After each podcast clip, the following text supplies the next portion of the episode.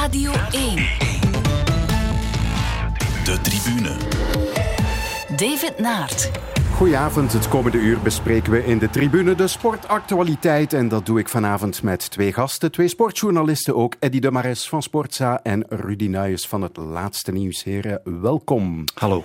Zometeen mogen jullie nog veel meer zeggen, maar eerst gaan we toch naar de Davis Cup finale. Het tennis dus eh, in Madrid bij Dirk Gerlo, want heeft David Goffin dan toch de tweede set kunnen winnen, Dirk?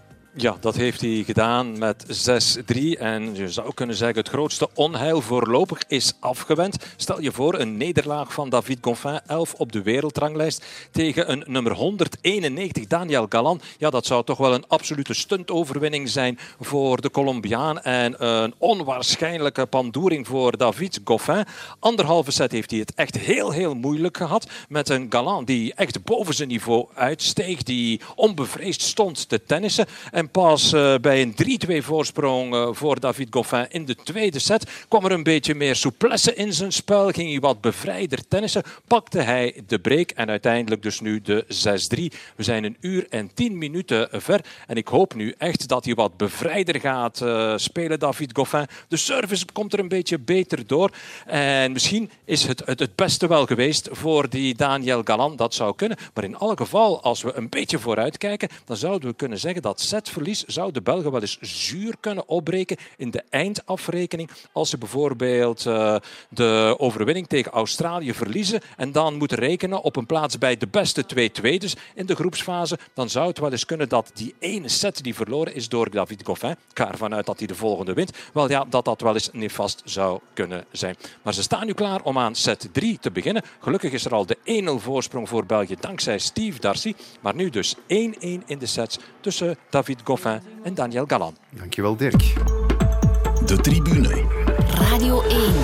En nu praat ik dus met Eddy de Maris en Rudy Nuis. En we beginnen met jullie moment van de week. Rudy, dit is jouw moment. We can all hold up a sign and say no to racism or whatever. But if there is no action, it doesn't make any sense. You know what I mean? So, um, but to to be honest, um, I'm having a fairly good time in Italy. You know, I'm enjoying my time, so I want to focus on the good side of it and not on the negative side. Dat was Romelu Lukaku onlangs over het racisme in Italië. We hebben het hier al vaker over gehad. Ja, en uh, enfin, Romelu heeft er natuurlijk zelf mee te maken gehad in, uh, in Cagliari. Uh, maar er zijn toch wel ja, meer momenten geweest de voorbije weken. Uh, ik denk Mario Balotelli heeft heeft een, een, bal de tribune ingetrapt op een bepaald moment, omdat hij ermee geconfronteerd wordt. Uh, je ziet het ook een, ja, overal een beetje terug opduiken. We hebben Bulgarije, Engeland gehad, uh, waar er grote problemen waren. Daar was het heel erg, hè? Daar was het heel erg. Uh, en in eigen land, ja, die, die arme Ilai Maritra van, uh, van Charleroi, die dan ook nog uh, een geel karton kreeg, waardoor hij uh, later geschorst werd. Ik denk dat je, dat je echt dat de bonden moeten optreden, dat FIFA, UEFA daar duidelijk uh, paal en perk aan moeten stellen, uh, dragen met sancties zoals je dat met andere ongeregeldheden doet. Waardoor je ook de sociale druk mogelijk wat verhoogt. En daar hebben we in KV, bij KV Mechelen onder andere gezien, waar de, ja, de supporters het zelf in handen hebben genomen en gezegd, ja. dit kan niet en we halen die mensen eruit. Maar heb jij aanwijzingen dat er op het niveau van de bonden en ook UEFA effectief iets aan het veranderen is? De Pro League komt nu wel met een initiatief. Hè? Ja. Is, is dat genoeg wat ze doen?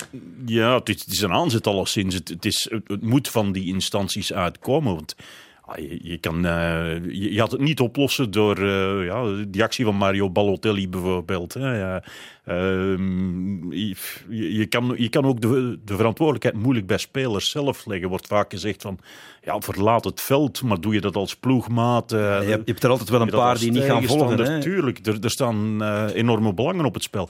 Dus ik denk dat het echt van bovenuit moet komen. Wat de Pro League het zou wel heel mooi zijn natuurlijk. Hè. Mochten spelers op een bepaald moment zeggen, nu loopt het echt de spuigaten uit, wij stappen allemaal van het veld.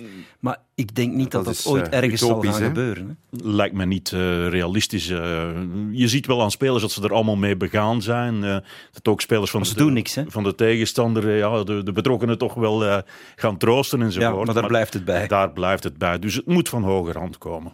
Het was ook gisteren weer actueel in Nederland trouwens, hè, met die wedstrijd uh, van FC Den Bosch, waar toch door de club hoogst ongelukkig werd gereageerd op die kraaiengeluiden.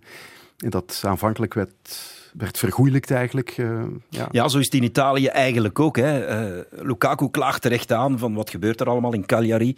En dan krijg je dagen later van de officiële instanties reacties. Maar je moet dat zo niet zien. Eigenlijk is het een vorm van respect dat ze voor jou betonen, wat natuurlijk absurd is. Maar ik heb ook onlangs ook nog in andere verhalen over Italië gehoord dat het daar ook een beetje uh, normaal geacht wordt uh, de laatste jaren, door de politieke evolutie ook, die extremen die sterker en sterker worden, dat het, dat het bijna niet meer, uh, niet meer gênant is om het in de openbaarheid uh, te doen. Ja. En dat speelt ook een grote rol, denk ik. Bij Inter was het uh, in die zin uh, nog erger dat, dat de eigen supporters het ja. ook een beetje vergoelijkten. Ja. Dus. Ja. die zeiden letterlijk tegen Lukaku, je ah, moet je dat niet aantrekken, want dat betekent dat ze jou respecteren. Het is een vorm van respect. Ja, hoe moet je dat... Mhm. dat is een heel bijzonder... onwaarschijnlijk. Goed, we gaan eens luisteren naar jouw moment, Eddie. Ik was zaterdag een beetje, nou, zal ik zeggen, geïrriteerd naar het sentiment in het land, omdat ja, na, na plaatsing er toch snel benoemd werd dat het niet zo goed was zaterdag. Hoe is dat nu? Nou, ik stoor me aan, uh, het was eerst helemaal niks toen we begonnen. Toen werden we wereldkampioen. En nu staan we stil in onze ontwikkeling. Ja, je koos daar zaterdag het woord opportunisme voor. Is dat... Ja, ik vind dit... Uh, maar ja, alle recht voor jullie om, uh, en voor de kenners en oud-spelers en oud-trainers. Om, om, iedereen heeft zijn mening en dat mag. En, en, ze hebben ook allemaal weer wat te doen van de zomer. Dus ze kunnen ze gewoon lekker doorgaan. En, uh... Hoop cynisme hoor ik bij je. Ja, ja dan word ik wel een beetje in dat opzicht. Een lekker cynische Ronald Koeman na de ja, op zijn Hollands ook wel een beetje. Hè. Die zeggen gewoon waar het op staat. Hè. Hij, heeft het over scorebordjournalistiek, maar ook bij analisten, bij oud-voetballers dus. Hè, ze waren plots gaan winnen in Duitsland. Ja, alles komt goed. We gaan zelfs weer uh, Europees eerst, want er komt eerst een EK en dan wereldkampioen worden. Dan hebben ze tegen Noord-Ierland twee keer heel moeilijk gehad. Thuis ook tot helemaal op het einde moeten knokken om toch nog te kunnen winnen. Ginder uh, heel zuinigjes gaan gelijk spelen. En dan is het weer plots uh, de andere richting uit in Nederland. Wow, het is toch allemaal zo goed niet. En uh, het gaat niet lukken en we gaan niet meer vooruit. We gaan misschien zelfs achteruit. Anderzijds is er dan ook weer victorie over die U17 van Nederland. Ja. Die nu net een uh, WK U17 hebben gespeeld. 40 geworden. Dat, was de gouden of dat is de gouden generatie, zeggen ook mensen bij de Bond in Nederland. Die ons naar de top weer gaat leiden. Maar dan wil ik toch fijntjes opmerken dat ze maar vierde zijn geworden. Verloren na strafschoppen weliswaar tegen Mexico in halve finales. En dan in de troostingsfinale verloren van Frankrijk. Brazilië is daar uh, wereldkampioen mhm. geworden, U17. En dan wil ik toch even terugwijzen naar vier jaar geleden. Hebben wij meegedaan, WK U17. Wij zijn derde geworden. En als je dan ziet, die spelers die daar meespeelden, ik ben het even gaan uh, nazoeken. Gaëtan Koeken, die speelt nu bij Racing Genk, vorig jaar bij Lommel. Wout Vaas, Oostende. Aurel Mangala, die in, in Duitsland in de tweede afdeling speelt. Dante Rigo, bij Sparta Rotterdam uh, ondertussen. Jorn van Kamp, Peerschot, Dante van Zer, KV Mechelen. Dus het is niet dat die jongens toch al vier jaar later, begin twintig, het al gemaakt hebben. Hè? Er zijn er wel bij die talent hebben en die misschien wel ergens kunnen komen. Maar zo'n U17-lichting, daar zoveel druk op leggen door zelfs bij de bond te zeggen dat zijn de jongens die ons naar de top weer gaan leiden. Ja, dat, uh, Heel dat groot vraagteken. Dat denk ik ook. Bovendien niet uit het oog verliezen van... Ja, het gaat om het toernooi. Daar, uh, ja, het gaat wedstrijd per wedstrijd. Maar ze hebben bijvoorbeeld in de groepsfase hebben ze ook uh, helemaal in het begin verloren van Japan. Met, ja. met 3-0. Dus ja, die, die generatie... Blijft jeugdvoetbal, hè? dat is zo moeilijk in te schatten. En, uh, en het is de moeilijkste categorie, uh, van tussen je 17, 19, 20, om, om daar echt de stap te zetten naar, uh, naar de absolute top. en daar slagen ze lang niet allemaal in. Nee. En het Oranje dat naar het EK gaat volgende zomer, hoe Laat ons zeggen dat, dat ze, elftal in? Naar mijn gevoel toch nog lang niet op het niveau van de Rode Duivels staan. Die gaan ook niet makkelijk hebben tegen een ploeg als Noord-Ierland, maar die gaan wel scoren, die gaan wel winnen. En dat, zover is Nederland nog lang niet. Het verschil uh, ligt hem in het feit dat, uh, dat wij toch mensen hebben die uh, in alle omstandigheden het verschil kunnen maken voorin. Ja. Ik denk dan in de eerste plaats Eden Hazard, Romelu Lukaku, de Bruyne, die hebben zijn beslissende basis. Ja. Terwijl bij Nederland ja, de sterkte bijna on-Nederlands achterin ligt. Matthijs de Ligt, Virgil van Dijk, eh, dat, is, dat staat als een muur, maar ja. uh, vooral voor. Topkeeper hebben ze ook niet natuurlijk. Hè? Nee, nee, maar vooral vooraan hebben ze niet uh, wat, de, wat de Rode nee, Duivels nee, hebben. Nee. Over die Rode Duivels gaan we het hier straks nog hebben in de tribune. De tribune. En mijn gasten vanavond zijn Rudy Nuis van het Laatste Nieuws en Eddie de Mares van Sportzaal. Also natürlich überlegt man, wie geht's weiter. Ich habe die ganzen letzten Wochen, Monate natürlich mir Gedanken gemacht, in welche Richtung es gehen kann. Und ähm, ja, das, äh, das Feuer ist äh, zu 100 Prozent da. Also das, äh, die Motivation, wieder einzusteigen, war, war riesengroß. Ja, wie hebben we gehoord? Hannes Wolf. Het was niet moeilijk. Hij is, Geen eh, Bernd dit keer, want we hebben al een paar Duitse trainers ondertussen. De vorige heet een Bernd, deze niet. Ja, Hannes Wolf. Zo goed, als, verschil, ja. zo goed als zeker nieuwe trainer van Racing Genk. Of zelfs zeker. Rudy, Ja. want op haarlem.be kunnen we lezen dat het eh, zeker is dat hij aan de slag gaat bij Genk. Wel, ik ga ervan uit dat, eh, dat mijn collega die eh, Racing Genk volgt eh, zeer goed geïnformeerd is. Ja. Eh, dus dat kunnen we wel ophalen. Het Ja. ging nog over een hulptrainer die wel of niet eh, mocht meekomen. ja. Dus dat zou moeten in orde zijn dan. We hebben in de kranten vandaag al uitgebreid kunnen lezen over Hannes Wolf. Dat was ook wel nodig, want hij is een totale onbekende. Ja, tweede Bundesliga. Hè. Bij Dortmund ook bij de jeugd gewerkt. En misschien is dat wel de voornaamste reden waarom ze bij hem zijn uitgekomen. Ook om uiteraard dat er niemand anders echt beschikbaar was. Of die ze wilden, of die wilde komen. Maar hij is blijkbaar goed met jeugd. Want hij is een paar keer kampioen geworden bij Dortmund met U17, U19. En voor het overige, vooral tweede Bundesliga in Duitsland, ook geen groot speler geweest. Dus het is toch wel een gok, denk ik. Ja, ook omdat hij, eh, hij is uiteindelijk maar eh, sinds 2016, dat is een goede drie jaar, aan de slag als hoofdcoach. Hij is nog maar 38, hè? Ja, ja, ja. En mm, ik vraag me toch af eh, welke richting ga je dat dan weer uit. Want eh, hij, hij verwijst zelf heel erg naar, eh, naar Klopp. Eh, wil hij dan ook het, eh, het heavy metal voetbal van, eh, van de trainer van Liverpool Ik hoor ook dat hij zachtaardiger is. Dus. Ja, dan, dan ga je toch weer een. Dan schiet je als Racing Genk zijn er toch weer een heel andere richting uit dan wat je onder Mazou had. Ja. En ja, wat dat betreft zie ik toch ook weinig standvastigheid. Clement die echt zijn offensief systeem had. Mazou die toch iets meer ja, op organisatie terugleunde. En ja, misschien had dan nu weer een andere kant uit. Eh, we Mazou, moeten die denk ik ook een groot probleem had van, van, eh, van persoonlijkheid daar. Hè? Dat hij zich niet echt krachtdadig durfde opstellen. Had ik het altijd heel nederig, onbegrijpelijk eigenlijk. Ja, hij keek een beetje eh, op naar het feit dat Ja. hij, eh, ja, hij mocht bij de landskampioen aan de slag, terwijl het daar helemaal geen reden voor was. Dat gaat een Duitser misschien minder hebben. Hè? Dat denk ik wel. En bij mij blijft bij Matsou eh, altijd de- ja, een van de laatste beelden bij. Als ik dan de fotografen hoor, nam hij daar ook nog zelf het initiatief toe. in Liverpool, waar hij voor dat bord ging staan eh, ehm, met coach Go. Van, zullen we hier een foto van maken? Ja. Dat, doe je niet. Nee, als nee, je, in nee. als je- Wonderland. Ja, tuurlijk, tuurlijk, tuurlijk. Ja. Eh, na het ontslag van uh, Felice Mazou schetste de voorzitter Peter Kronen het profiel van de nieuwe coach. We gaan er eens naar luisteren. We willen iemand die eh, duidelijkheid kan verschaffen aan de groep, die vertrouwen kan geven aan de groep, eh, die de lat hoog wil leggen en waarvan wij denken dat hij in staat is om eh, over die lat te springen. En ook iemand die weet ja, waaraan dat hij begint. Uh, KRC Genk is uh, een specifieke club. We hebben een jonge kern. Uh, heel veel kwaliteit, maar ook werkpunten. En uh, ze willen iemand die ons kan overtuigen dat hij met die kwaliteiten, die specifieke kwaliteiten, uh, het beste eruit kan halen. Dan kan Hannes Wolf goed overtuigen. Wel, ik, dan is mijn eerste vraag. Hannes Wolf, kent hij de Belgische competitie? Ja. Dat durf ik mij toch af te vragen. Ja, hij heeft natuurlijk uh, wel veertien dagen uh, gehad, want ik neem aan ja, dat hij er vorige dat week al even aan het praten was, zijn. Ja. Uh, om ja, zich dat eigen te maken. maar ja, met, met die jonge gasten, ik, ik, vraag me ook af van waar wil, uh, ja, wat, wat, heeft Racing Genk voor ogen gehad in die transferperiode? Want je, je bent toch een, een aantal heel belangrijke spelers kwijt, ervaren spelers, Pozuelo, mag je niet vergeten. Dat wordt misschien wel een beetje onderschat. Malinowski, Trossard. Ja. En je hebt dan heel veel geld uitgegeven, dus voor tientallen miljoenen uitgegeven. Ja.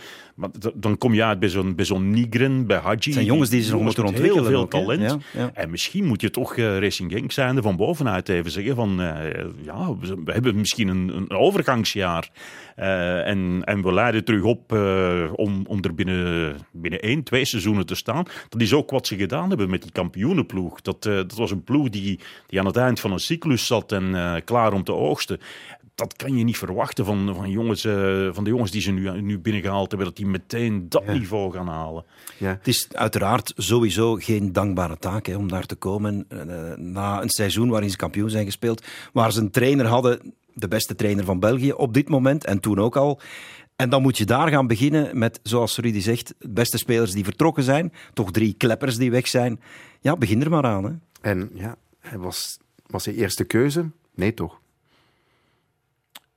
Pff, Ja, dat Ik was eerste neem aan keuze. van Er- niet. Dat denk er, ik niet. eh, er is toch gepolst bij een aantal andere mensen, eh alleszins. En ja, Hazi is blijkbaar dan toch niet gekomen, omdat het financieel niet haalbaar eh, was. Ja, dan, eh, dan sta je niet En ook omdat hij niet snel eh, daar in het Midden-Oosten, daar had je niet zomaar weg als Nee, trainer nee, natuurlijk. nee. Dus dat ging nog zijn tijd duren wellicht. Ja. Van Azenbroek, die, die gewoon nee zegt. Ja. dat zegt ook wel iets. Die zit toch al even thuis. Dus ik neem aan dat hij toch graag weer aan de slag zou gaan. En maar Franke, tegen Genk die, zegt hij nee. Die vooral zekerheid bij KV Mechelen wou afdwingen. Ja, denk die daar ook natuurlijk mooie tijden beleeft. Hè. Waarom risico nemen ja. als je het daar goed doet? En ook nog eens opslag kan afdwingen? Hij heeft deze situatie wel optimaal benut, natuurlijk. Absoluut. Frank, ja. En dan Mark Prijs die daar zo komt tussen Ja, fietsen. Bruis heeft daar ook nog een poging toe gedaan. Ja. eh, om, Wat gaan ze daar in Sint-Truiden van zeggen? daar, eh, dat gaan ze in Sint-Truiden niet leuk vinden, denk ik. En eh, ja, de, de verhouding tussen, tussen Mark Brijs en, eh, en dat eh, Japanse bestuur, dat, eh, dat was al toch, al- toch al niet al te best. dat sleept al aan van in, in de zomerperiode, waar Brijs toch voortdurend liet doorschijnen van ja, dit, dit, met dit team kunnen we het niet redden. Waarin hij ook gelijk had, doet hè? niet genoeg. Ja. dus mm, daar zit je eigenlijk al een hele tijd met een verhouding ook die, ja, die niet goed zit. En als je dan als trainer ja, zelf een visje gaat uitgooien naar nota bene de grote concurrent, hè, want Ja, eh, voor binnen Limburg, ja, Ja, dan neem ik aan dat je het een beetje je doodvonnis tekent, toch? Hè? Ja, ja enfin, alles hangt natuurlijk af van de resultaten, maar die zullen de volgende weken wel goed moeten zijn. Hij zal ik, eh, veel moeten anders, winnen de eh, komende weken. Anders komen er problemen op staan. En er was natuurlijk ook nog Verkouteren. Ja. Maar ja, die was al weggekaapt bij OHL door Anderlecht. Want anders was het misschien wel Verkouteren geworden, durf ik denken. Maar nu is het eh, Hannes Wolf. Ja, die staat toch voor een loodzware opgave. Top 6 zal zelfs nog moeilijk worden. Daar gaan ze flink hun best voor moeten doen in elk geval. Ja. Ja, dat is. eh, ik, ik kom terug op die, die jongens die weg zijn. Want er wordt nu heel veel gekeken naar, naar Sander Bergen. En Bergen is op zich een goede voetballer. Maar het is in, in C is dat eigenlijk een dienende speler. Die was, die was perfect in de, in, ja, met, met, met mensen als Pozzuelo en Malinowski eh, voor hem. En eh, ik, ik zie Is hem... ook nog maar 2021, hè? speelt ook nog een rol. En, en, en ik zie hem ook tegen Liverpool, waar hij dan een goede wedstrijd speelde in zijn geheel. En, en tegen Gent zie ik hem ook positionele foutjes maken nog altijd bij die tegengoals. Dus Sander Bergen is nog altijd geen, geen jongen die... Enfin, je mag van Sander Bergen niet verwachten dat, eh, dat die, die ploeg op sleeptouw gaat nemen. En zo is er eigenlijk op dit moment niemand bij Racing Genk. Nee, nee dat ontbreekt. Nee. Dat ontbreekt. Dus moet hij het vertrouwen zien terug te winnen bij die eh, spelers. Daar hebben ze in eerste instantie nood aan. Dat hebben we begrepen. We zijn goede moed, zou ik zeggen. Ja, het zal nodig zijn. We blijven bij het voetbal, maar dan internationaal. Hier komt Hazard met zijn broer Torgan Hazard in de box. Gaat naar binnen, gaat trappen en de goal. Oh, geweldige goal. Ho, ho, ho, ho. Torgan Hazard. Wat een schicht van een schot. En Alderwereld kijkt. Hoge bal in de box dan maar. Lukaku zet zich. Hazard neemt hem over 0-2. 0-2. De andere Hazard nu na 32 minuten. Wij, wij kijken naar De Bruyne. Prachtig gelanceerd door Mertens. De Bruyne gaat die breed leggen. En Eden Hazard voor 0-3. Oh la la la la. Komt Lukaku wel nog. Het zijn zo ongeveer zijn eerste baltoetsen van de tweede helft. En hij scoort! hij scoort! Romelu Lukaku legt hem er dan toch in. En uiteindelijk werd het 1-4. Het was haast een gezondheidswandeling voor de Rode Duivels afgelopen zaterdag in Sint-Petersburg. Ja, Rudy, Eddy, wat heeft die wedstrijd jullie nog geleerd? Niet veel, hè? Ja, ik ben, eh, op een bepaalde manier ben ik toch wel geschrokken van die, van die eerste helft. Eh, je mag niet vergeten, Rusland heeft weliswaar in eigen land toch de kwartfinale gehaald op het Ja, WK. ik heb- die ik heb op dat WK uitgeschakeld eh, Ja. in, in de achtste finales. De- ja, het was, ze hadden ook alles gewonnen in de groep, behalve tegen de Rode Duivels. Eh, ik had toch wel wat meer tegenstand eh, verwacht eh, van, van Rusland. En ik denk dat het vooral aan, aan de kracht van, van de Rode Duivels te wijten eh, was dat, ja, dat je dit kon afdwingen, dat je daar bij de rust eh, 0-3 0-3 voor staat. Dat hebben ze zelf afgedwongen. Dus het, het zegt voor mij toch veel meer over eh, de kwaliteiten van de Rode Duivels dan ja, over Rusland eh, op zich. Nu, het, het zegt, ik, ik wil het relativeren, want eh, ik heb Rusland vier, vijf keer zien spelen vorig jaar op het WK. Ze hebben onwaarschijnlijk veel geluk gehad. Eerst en vooral met de loting. Ze mochten tegen Saudi-Arabië spelen op de laatste dag van de Ramadan. De jongens waren niet fit, kan je zeggen.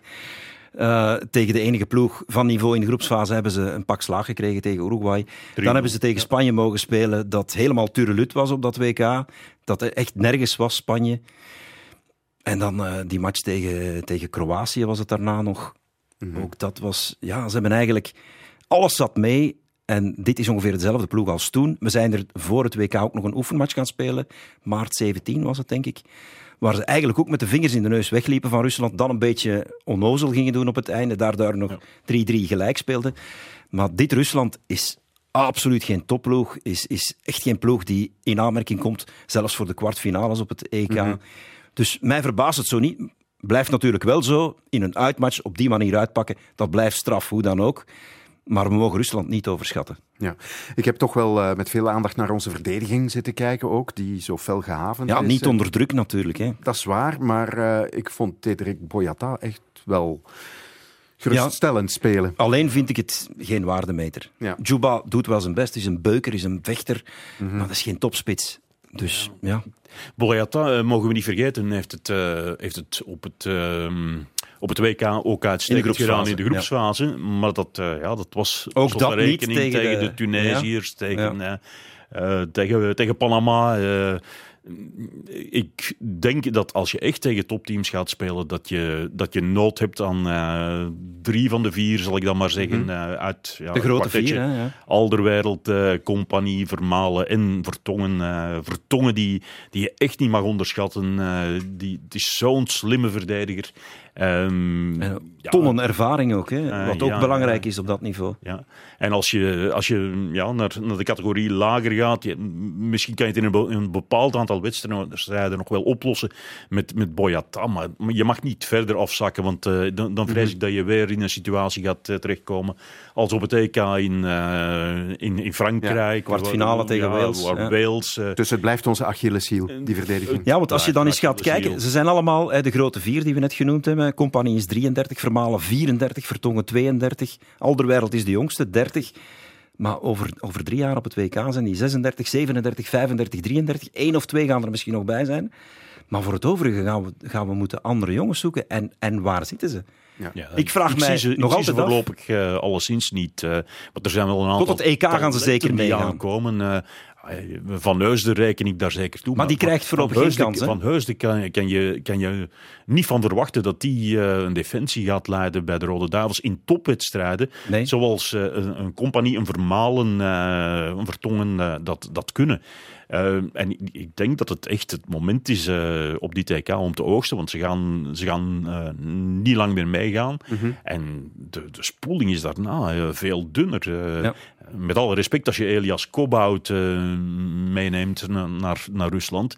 Ja, die jongen die, die heeft een aantal goede wedstrijden gespeeld, maar vergeet niet dat hij in het begin van het seizoen net hij ernaast stond bij, bij Anderlecht. Ja, dan, ja, als je de namen even opzomt, je moet gaan zoeken. Je hebt Boyata, die ook al 28 is. Je hebt De Nayer, 24. Dan kom je bij Mechelen, bij Engels, die, die ook uh, niet opgeroepen wordt voorlopig. Mm -hmm. Jordan Lukaku komt, wie weet, ooit nog eens terug. Ook al 25. Kastanje, die ook heel offensief is, net als Lukaku overigens. Is dat een echte verdediger? Denk het niet. Mm. En dan Van Heus, de 20 jaar. Ik zou hem toch wel af en toe al eens meepakken nu, maar dat, dat gebeurt voorlopig niet. Ja, maar ik kan ze niet allemaal meepakken. Nee, nee, nee maar Van Heusden eh, bedoel ik dan, want dat is toch iemand van, waarvan iedereen zegt... Ook Preudom ook, uh, Engels zou er dan bij moeten. Ja. Ik bedoel, we hadden nu al een selectie van 29 spelers. Uh, je kan niet blijven uh, putten. Je gaat, hij gaat op een bepaald moment gaat hij wel keuzes moeten maken, Martinez. Of zegt Martinez, dat is voor mijn opvolger, dat trek ik mij niet aan. Dat kan, hè? Dat denk ik niet, want hij is, is voor de rest hij is wel met de toekomst bezig in, in, in alles... Uh, ook, ook wat, wat, wat zijn opvolging als ja. wat opvolging van de technisch directeur betreft enzovoort. Dus ik denk niet dat Martinez iemand is die ja, après moi le, le déluge predikt, maar ja, hij, hij, moet ook echt geloven in spelers. Hij moet geloven dat hij die uh, echt naar het toernooi toe uh, kan gebruiken. Um, en ja, blijkbaar uh, ziet hij dat nog niet echt in, in Zinjo van Huisden. Nee. Ja. Wat Preudom dan blijkbaar wel ziet. Hè? Ja.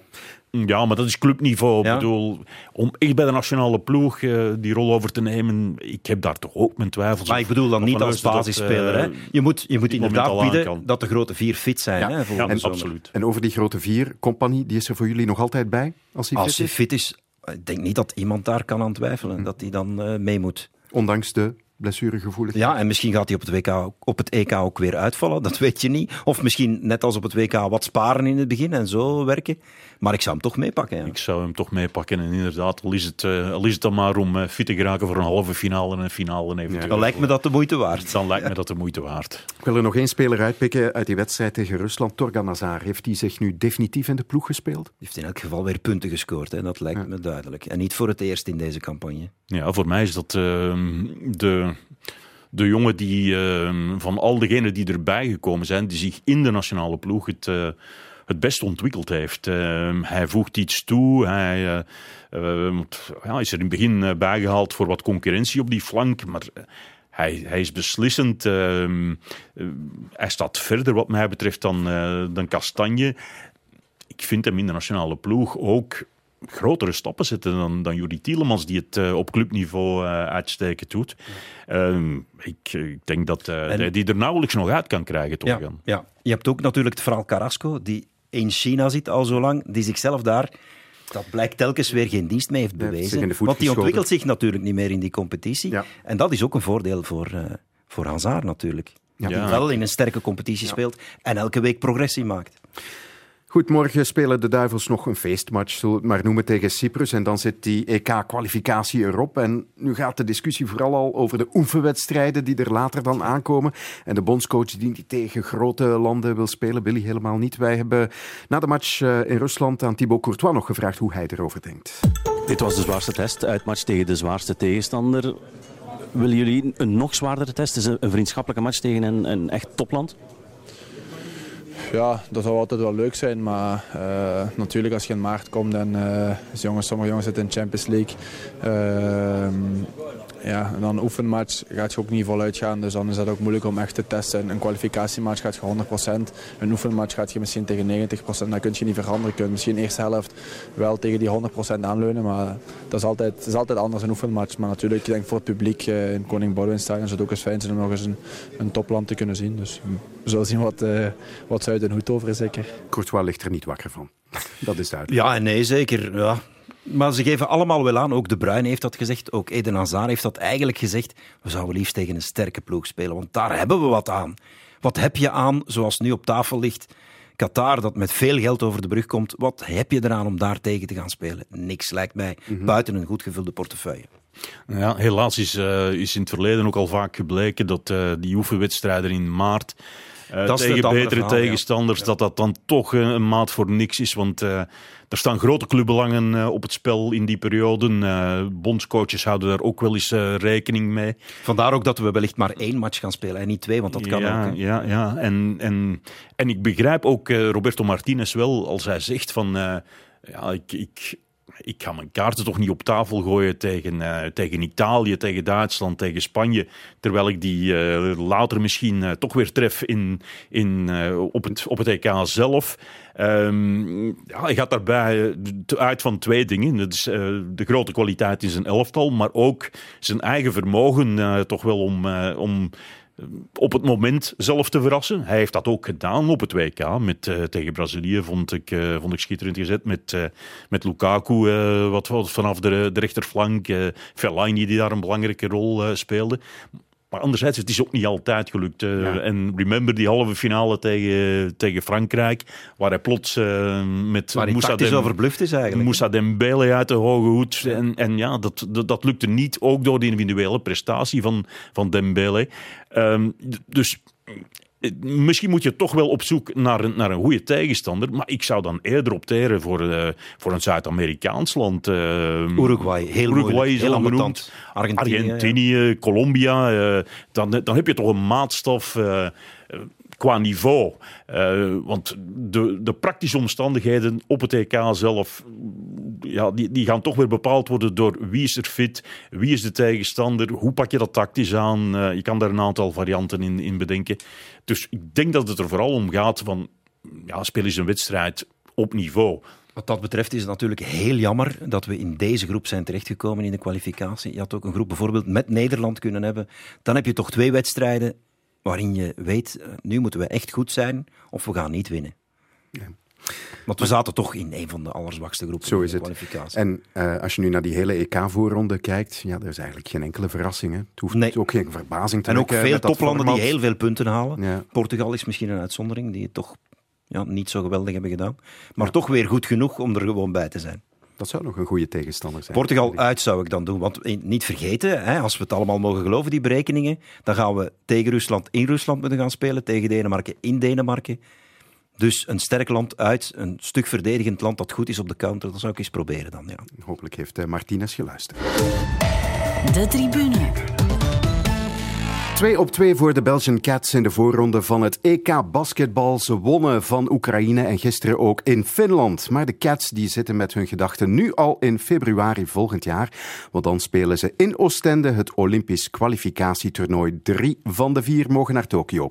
Bij de Cats speelt ook Ann Wouters nog altijd, 39 jaar jong intussen. En die hebben we nu aan de lijn. Ann, goedenavond. Goedenavond. Jullie zijn denk ik met een eh, ja, 100% goed gevoel teruggekeerd uit Finland. Want het was echt wel een demonstratie. Ja, toch wel. Je mag wel niet vergeten dat Finland natuurlijk een ander niveau is ondertussen. Maar dat we in het verleden dikwijls tegen de mindere ploegen ook niet zo'n fantastische prestatie neerzetten. Dat hebben we nu wel gedaan. En ik denk dat we daarin ook tonen dat we toch aan het groeien zijn als ploeg. En veel natuurder aan het worden zijn. En dat geeft natuurlijk vertrouwen voor ja, het grote evenement in eind februari. Het ging eigenlijk de hele tijd amper over die EK-kwalificatiewedstrijden, maar wel over dat eh, toernooi dat eraan komt in februari. Eh, het zal in Oostende zijn voor eigen volk, dat is mooi meegenomen. Maar kun je eens uitleggen ja, hoe hard die Olympische vlam bij jullie brandt? Ja, heel hard brandt die toch wel hoor. Het is ook de allereerste keer ooit dat we ons kunnen plaatsen voor Olympische Spelen. Alleen al voor baskets in, in België zal dat gewoon enorm zijn. Voor onszelf ook is het een unieke, unieke belevenis. Omdat ja, Olympische Spelen nog altijd veel groter zijn dan enkel je sport. En daar willen we ook helemaal voor gaan, helemaal voor strijden. En toen het bericht kwam dat we dat toernooi effectief in Oostende mogen spelen, ja, dan was er toch wel een serieuze energieboost bij iedereen van ons. En hadden we eigenlijk zin om direct te gaan spelen. Maar dat is nog eventjes wachten, hè. dat is Ja. dus voor februari. We weten ook nog niet onze tegenstanders. Daar gaat ook nog veel van afhangen. Het zal ons zeker niet cadeau worden gedaan, maar nu werd het wel allemaal ineens zo ja, veel echter, veel concreter, veel dichterbij. Dus denk dat we dat gevoel nu even nog goede, een goede twee maanden moeten aanhouden. En dan volledig voor eigen publiek eh, ja, geschiedenis schrijven. Ja, we kennen sinds vanochtend de 16 deelnemende landen. Ehm, zeg eens, wie wil je liever niet loten en van wie zeg je, laat die maar komen naar Oostende? ja, van die 16 ploegen zijn er inderdaad geen meer waarvan je zegt, wow, dat wordt eh, een, een wedstrijd zoals in Finland. Eh, dat, dat kunnen we ook niet verwachten. Hè. Dan, eh, dat is zo, dat maakt het ook natuurlijk mooier en mooier in de competitie. Amerika en Japan zijn de enige twee die al geplaatst zijn, maar die spelen toch nog eens mee. Dat maakt een heel bizar competitie. Dus ja, die vermijden toch, toch wel liever. En, ja, de vraag is, komen die dan ook op volle sterkte, aangezien ze toch al geplaatst zijn?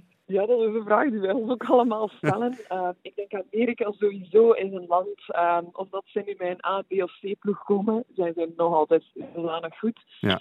Um, dus daar verwachten we van dat zij wel effectief uh, alle wedstrijden zullen winnen. Japan is een atypisch spel hè, dat we zelf ondervonden vorig jaar op het WK hebben we tegen hen gespeeld, heel net verloren na verlengingen. Aan de andere kant ja, is het moeilijk gewoon om te zeggen. Hè. En zo, sowieso komen we niet Frankrijk of Servië of China tegen. Mhm. Dus dat, dat weten we al, maar voor de rest is het nog een beetje ja, afwachten, denk ik, tot 27 november. Jij wordt er uh, niet jonger op, Anne, maar ik zag jou gisteren toch uh, mooi meespelen. Uh, maar ik heb ook begrepen dat je toch op, op zoek bent naar een club om in nog betere vorm eigenlijk er te kunnen staan op het moment dat het moet, om te beginnen in februari? Dat klopt. Dat was eigenlijk altijd een beetje de bedoeling geweest om de eerste maanden na de vakantie, althans in september, oktober, meer individueel terug op te bouwen naar dit window toe, om hier terug wel veel minuten te maken met de ploeg, om terug een beetje de ploegsfeer ook uh, terug te voelen en, en, ook samen op het veld staan, want dat maakt toch altijd uh, een, een, verschil. En uh, dan was het echt wel, ja, dan is het nu de bedoeling om toch, ja, toch nog wel iets meer wedstrijdritme op te doen bij een, bij een club. En daar ben ik nu een beetje naar aan het zoeken wat dat de beste mogelijke oplossing is. En kun je al iets zeggen? Een beetje speciale situationeel zijn er een, een aantal uh, ploegen die, die wel uh, geïnteresseerd zijn, omdat ook voor die ploegen Mhm. niet altijd een makkelijke situatie is. Je, brengt iemand binnen met wat ervaring, maar die toch ook wel wat extra zorg nodig heeft, laat het ons zo zeggen. Uh, dus vandaar zijn er nu nog een paar met wie dan aan het praten zijn, die, die de situatie wel heel goed verstaan, zodat er ook wel geen misverstanden zijn, dat ik echt wel naar ook ga om die Olympische droom voor te bereiden eigenlijk. Hè? En dat het doel van, van die club eigenlijk maar op Ja. de tweede plaats komt. Dus dat is niet altijd zo gemakkelijk om uit te leggen natuurlijk aan de ploegen. En wanneer denk je dat er nieuws zal zijn? Ik verwacht dat dat deze week wel zal zijn. Dat dat redelijk snel gaat eh, verlopen. Dankjewel, Anne Wouters. Voilà. Graag gedaan. Eddie de Maris, Rudy Nuis, jullie hebben zitten meeluisteren naar een vrouw die op haar 39ste absoluut naar die Olympische Spelen willen. Ik vind dat onwaarschijnlijk geweldig. Want ze heeft niet vergeten, eigenlijk twee jaar blessureleed achter de rug, kapotte knieën, 39 jaar, alles bereikt wat ze wilde en kon bereiken in het basket. Behalve die Olympische droom. Hè. Geweldige EK, WK meegemaakt. Maar ze wil die Olympische Spelen halen en dat is onvoorstelbaar. Daar moet je respect voor hebben, denk ik. Heel Ja, veel het is- respect. Het is een, eh, het is een persoonlijkheid eh, met, een, met een geweldige drive. eh, en ik, ik vind het eigenlijk nog altijd on- onbegrijpelijk dat zij, dat zij nooit eh, sportvrouw van het, van het jaar is geworden. Ploegsport, hè? Ja, ploegsport. maar ja, Tenzij je een topvoetballer bent. Carrière, als je ook. op die carrière terugkijkt, dan, Ja. dan had ze toch wel op dat lijstje gemogen. Ze heeft wel wat, eh, wat groten moeten eh, bekampen al die jaren. Hè. Nu ook weer Nafitiam. Eh, Ja. Onze absolute wereldtopper in het turnen. Ook die, ja, het is niet Ja. evident om het te winnen. En nu heb je dan eh, Emma Meeseman, Ja. die dan ook nog eens in Amerika eh, kampioen gaat spelen. Zou Dus er ik wel eens dichtbij kunnen zijn. Wel, ik denk dat het, dat het misschien wel een hele belangrijke rol kan gaan spelen of, of Anne Wouters weer haar topniveau haalt. Of haar topniveau, dat kan natuurlijk niet meer, maar op een heel goed niveau Degelijk komt. niveau, want ja. dat was ze niet op het WK, dat was ze ook niet op het EK, laat ons eerlijk zijn. Nee. Nu met wat eh, wedstrijdritme terug in een competitie, want eh, we zullen wel heel snel nieuws hebben over waar ze gaat spelen, tot februari of tot misschien Mhm. nog wat langer. En als ze dan een degelijk niveau inhaalt, ik denk dat dat het verschil kan maken tussen meedoen voor medailles op de Spelen. Dan, loop ik, dan vergeet ik even die voorronde in Oostende. Maar goed, tussen meedoen voor de medailles of niet. Dus het lijkt mij heel belangrijk dat zij daar ergens goed terechtkomt en niet meer geblesseerd geraakt vooral. Boeiende tijden liggen in het verschiet. Op de Antwerpse ring naar Gent verlies je 20 minuten tussen Deurne en Antwerpen Centrum. Daar is één rijstrook dicht door een ongeval. En in Brussel is de troontunnel richting Basiliek weer open voor het verkeer. De tribune. Radio 1. Verschillende partijen willen het fiscale gunstregime voor profvoetballers aanpakken. Nu betalen voetballers amper sociale bijdrage. Maar CD&V, SPA en Open VLD komen met verschillende wetsvoorstellen die dat fiscaal voordeel willen beperken of afschaffen. Er is inderdaad veel te doen rond de fiscaliteit in de Belgische sport. Zeg maar het voetbal. Eh, ter herinnering, een sporter moet maar beperkte RSZ-bijdrage betalen op een loon, terwijl een normale werknemer, zoals wij, op zijn volledige loon sociale bijdrage moet betalen. Maar nu gaan er dus stemmen op om dat aan te passen of zelfs af te schaffen. We hebben er een expert bij gehaald en dat is Stijn Baart, professor arbeidseconomie aan de Universiteit Gent. Goedenavond. Goedenavond. Ja, eh, de, de, de voetbalclubs die schreeuwen moord en brand over die mogelijke aanpassingen. Maar legt u eens uit, hoe, hoe belangrijk is die huidige regeling voor de voetbalclubs in 1A? Wel, dat valt eigenlijk in, eh, in één cijfer te vatten. Hè. Dus door die eh, korting op de RSZ-bijdrage stroomt er eh, elk jaar 80 miljoen euro ongeveer naar het voetbal, enkel en alleen door, door die korting. Dus ja, dat is een heel groot bedrag en het spreekt voor zich dat zij het niet graag zien gebeuren dat dat bedrag zou wegvallen of heel sterk zou gereduceerd worden. Ja, in de nasleep van het voetbalschandaal zijn er verschillende politieke voorstellen op tafel aan het komen. Laten we er snel eens doorgaan. Ik denk SPA, dat is het makkelijkst, die zijn het radicaalst. Die willen het afschaffen, terwijl het in origine een socialistische maatregel was. Ja, klopt. Uh, oorspronkelijk was die maatregel uh, bedoeld om uh, sporters die niet zo'n lange carrière hadden, een beetje te ondersteunen, te ontlasten van die sociale zekerheidsbijdragen. maar nu dat die lonen natuurlijk zo heel hoog zijn geworden, is het iets minder sociaal om bijvoorbeeld een Adrien Trebel 1% op zijn loon te zien afstaan voor de sociale zekerheid. Daar dat we met z'n allen eerder richting de 38% gaan. Ja, dus SPA wil het systeem gewoon afschaffen. Um, Open VLD die willen zover niet gaan. Wat, wat is hun voorstel? Nee, die uh, keren het systeem voor een stuk uh, om. En momenteel is het zo dat je dus op een fictief loon als voetballer je bijdrage betaalt, een 2300 euro. En alles wat je daarboven verdient, daarvoor moet je geen sociale zekerheidsbijdragen betalen. Wat zegt Egbert Lachaert van Open VLD? Die zegt we gaan het omgekeerde doen. De, de eerste euro's die je verdient als sporter, die gaan we beperkt belasten. Maar alles boven een bepaald bedrag, 20.000 euro per maand, 80.000 euro per maand, ja, gaan we heel sterk gaan belasten. Mm -hmm. En wat vindt u daarvan, van dat idee? Ja, dat laatste idee dat strookt uh, perfect met hetgeen dat ik zelf in gedachten had. Ik denk wat wij uh, elders in de arbeidsmarkt heel normaal vinden, namelijk dat uh, de, zwaarste, de sterkste lasten de zwaarste schouders dragen. Dat is op dit moment in het voetbal absoluut niet het geval. Het omgekeerde is waar. Een voetballer die weinig verdient of een andere professionele sporter, ja, die bedraagt, die kan eventueel de volle potsen betalen, die 38 procent. De rijkste voetballer die betaalt 1 procent op zijn mm -hmm. bruto loon voor sociale sociale zekerheidsbijdrage. Dat is de wereld op zijn kop. Wij uh, uh, aanvaarden dat nergens anders in de arbeidsmarkt. Dus het zou logisch zijn mocht het voetbal gewoon dat, dat voorbeeld volgen. Ja, uh, de Pro League is ondertussen zelf vorige week ook met een alternatief gekomen. Hoe ziet dat er precies uit? Ja, in mijn ogen is dat een, een decent proposal. Hè. Wat zij voorstellen, dat betekent we gaan dat huidige fictieve loon gewoon een beetje optrekken. Uh, zodanig uh, dat voetballers die niet heel erg veel betalen, uh, die niet heel erg veel verdienen, excuseer, dat die wat meer gaan bijdragen. Maar dat boven dat, dat nieuwe plafond, dat dan ongeveer 5000 euro zou zijn, dat opnieuw geen enkele bijdrage meer geleverd wordt.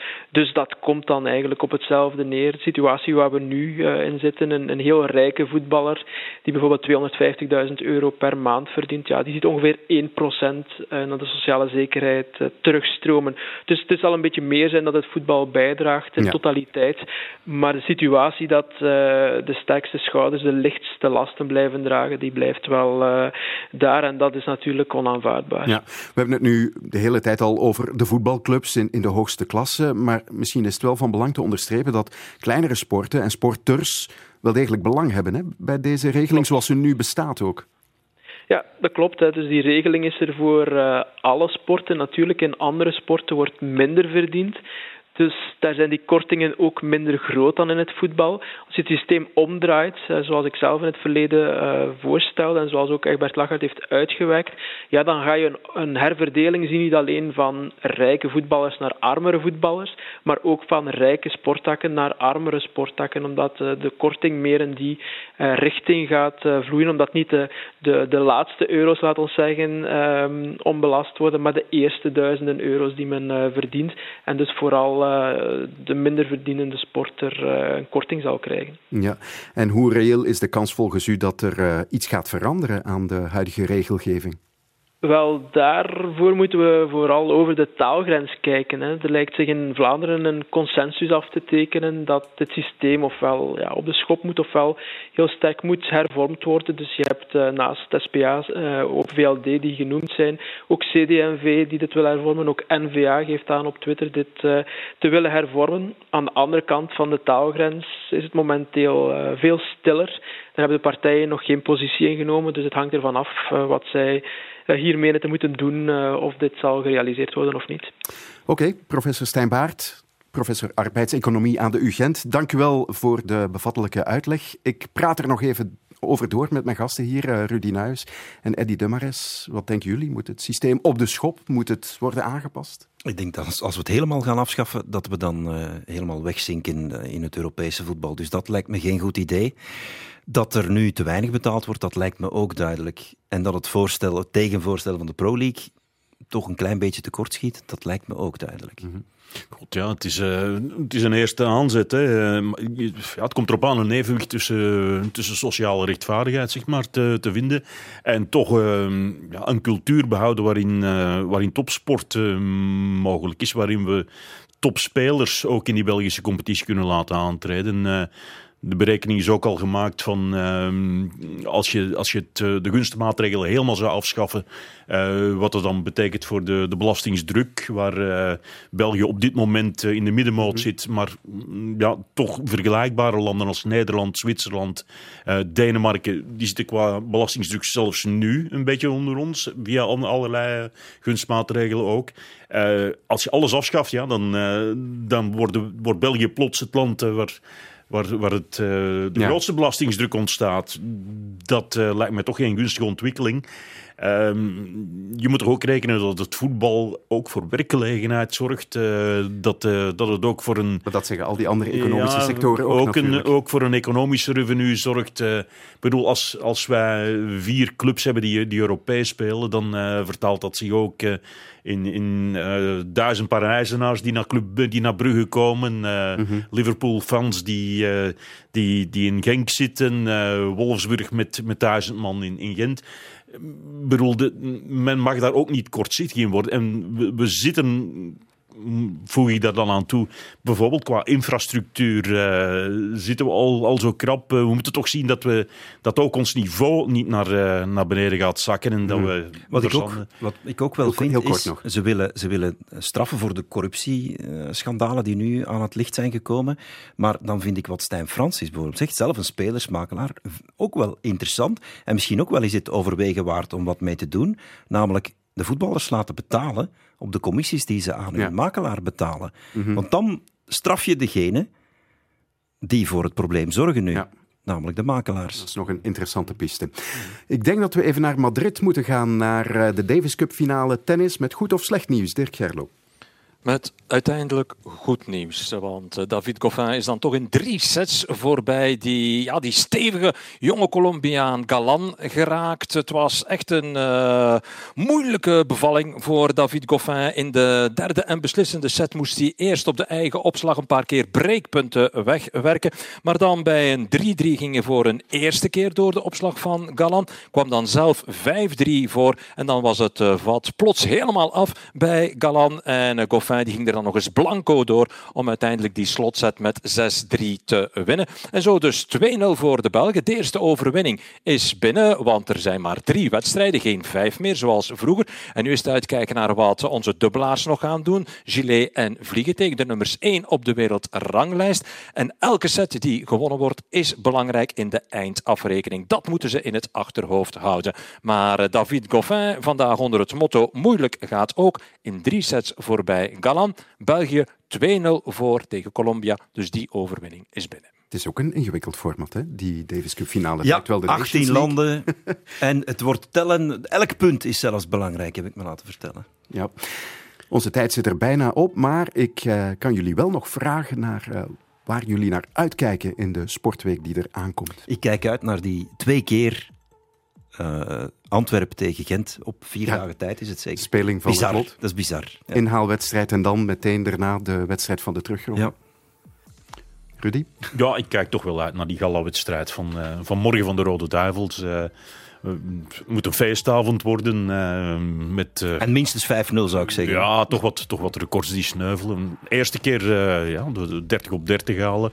Romelu Lukaku, die, ja, die er nog wat, wat bij mag doen. En zo absoluut topschutter in een campagne. En Gala, die En een paar demonstratietjes van Hazard en Van ja. de Bruyne. Een geweldige pas van de Bruyne wil Dit ik was de tribune. Tot gauw.